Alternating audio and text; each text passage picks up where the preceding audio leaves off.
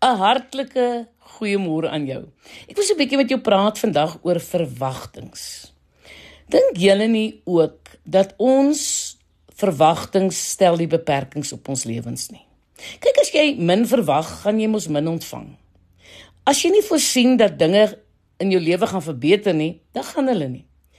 As jy groter guns verwag, meer gunstige deurbrake, bevordering, 'n verhoging en so meer, sal jy mos verseker nuwe vlakke van sukses en guns beleef. Onthou egter dat God se tydsberekening van ons verskil.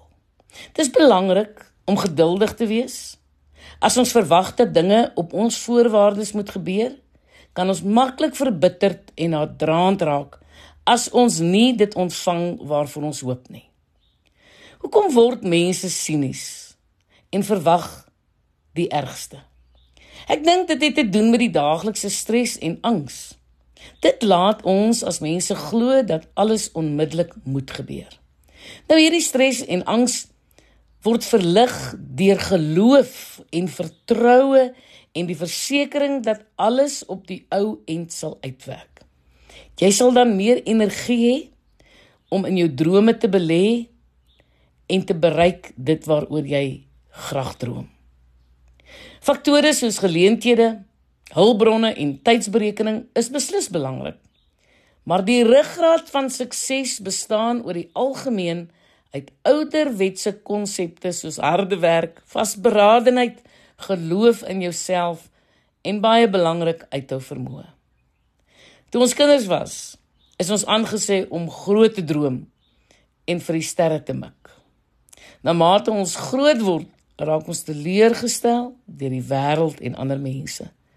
Dan hou ons geleidelik op om groot te droom en goeie dinge te verwag. En as 'n verdedigingsmeganisme begin ons ons verwagtinge verlaag. Baie mense staan soggens op met die verwagting dat dit 'n mislike dag gaan wees. Sodoende hoef jy nie sleg te voel daaroor as dit wel uitdraai in 'n mislike dag nie. Ons begin denke ontwikkel soos niks goeds gebeur ooit met my nie. As ons 'n vertrek binne stap, verwag ons dat mense nie van ons gaan hou nie. As ons inkopies gaan doen, het ons die idee dat ons nie in die winkel gaan kry waarna ons soek nie. Ons gaan dan werksonderhoud met die aanname dat dit onsuksesvol gaan wees. En hierdie, hierdie verlaging van ons verwagtinge is 'n verdedigingsmeganisme om ons teen pyn en teleurstelling te beskerm. Ja. Jy sal aaklige dae beleef. Frustrerende dinge gebeur dikwels. Jy gaan nie elke dag of liewer elke werksonderhoud slaag nie. Natuurlik sal jy uitdagings en teleurstellings teenkom. Maar mense gee te gou moed op. Baie mense verkeer onder die illusie dat die lewe maklik moet wees en dat alles in hulle skoot moet val. Maar die lewe bestaan uit goed en sleg. Daar sal sukses as ook teleurstellings wees.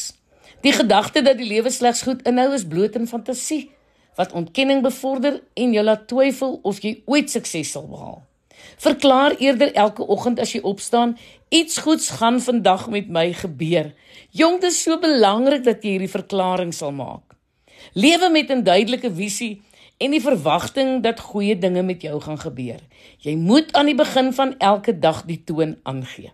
Jy moet dwars deur die dag 'n houding van afwagting hê, soos 'n kind wat wag om 'n geskenk oop te maak.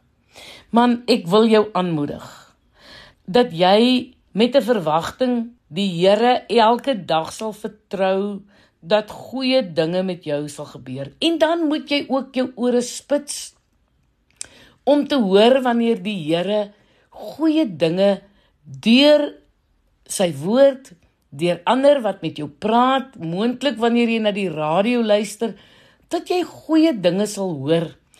Dat jy ook jou oë sal oopmaak om te sien wanneer die Here vir jou 'n geopende deur gee. Die Here wil jou so graag seën. Die Here se goedheid en guns wil deel van jou lewe wees en is dikwels deel van ons lewe. Maar ons is ons lewe nie met 'n afwagting nie en daarom kan ons dit nie hoor nie en ons kan dit nie sien nie. Ek is Lenet Beer van Radio Kansel.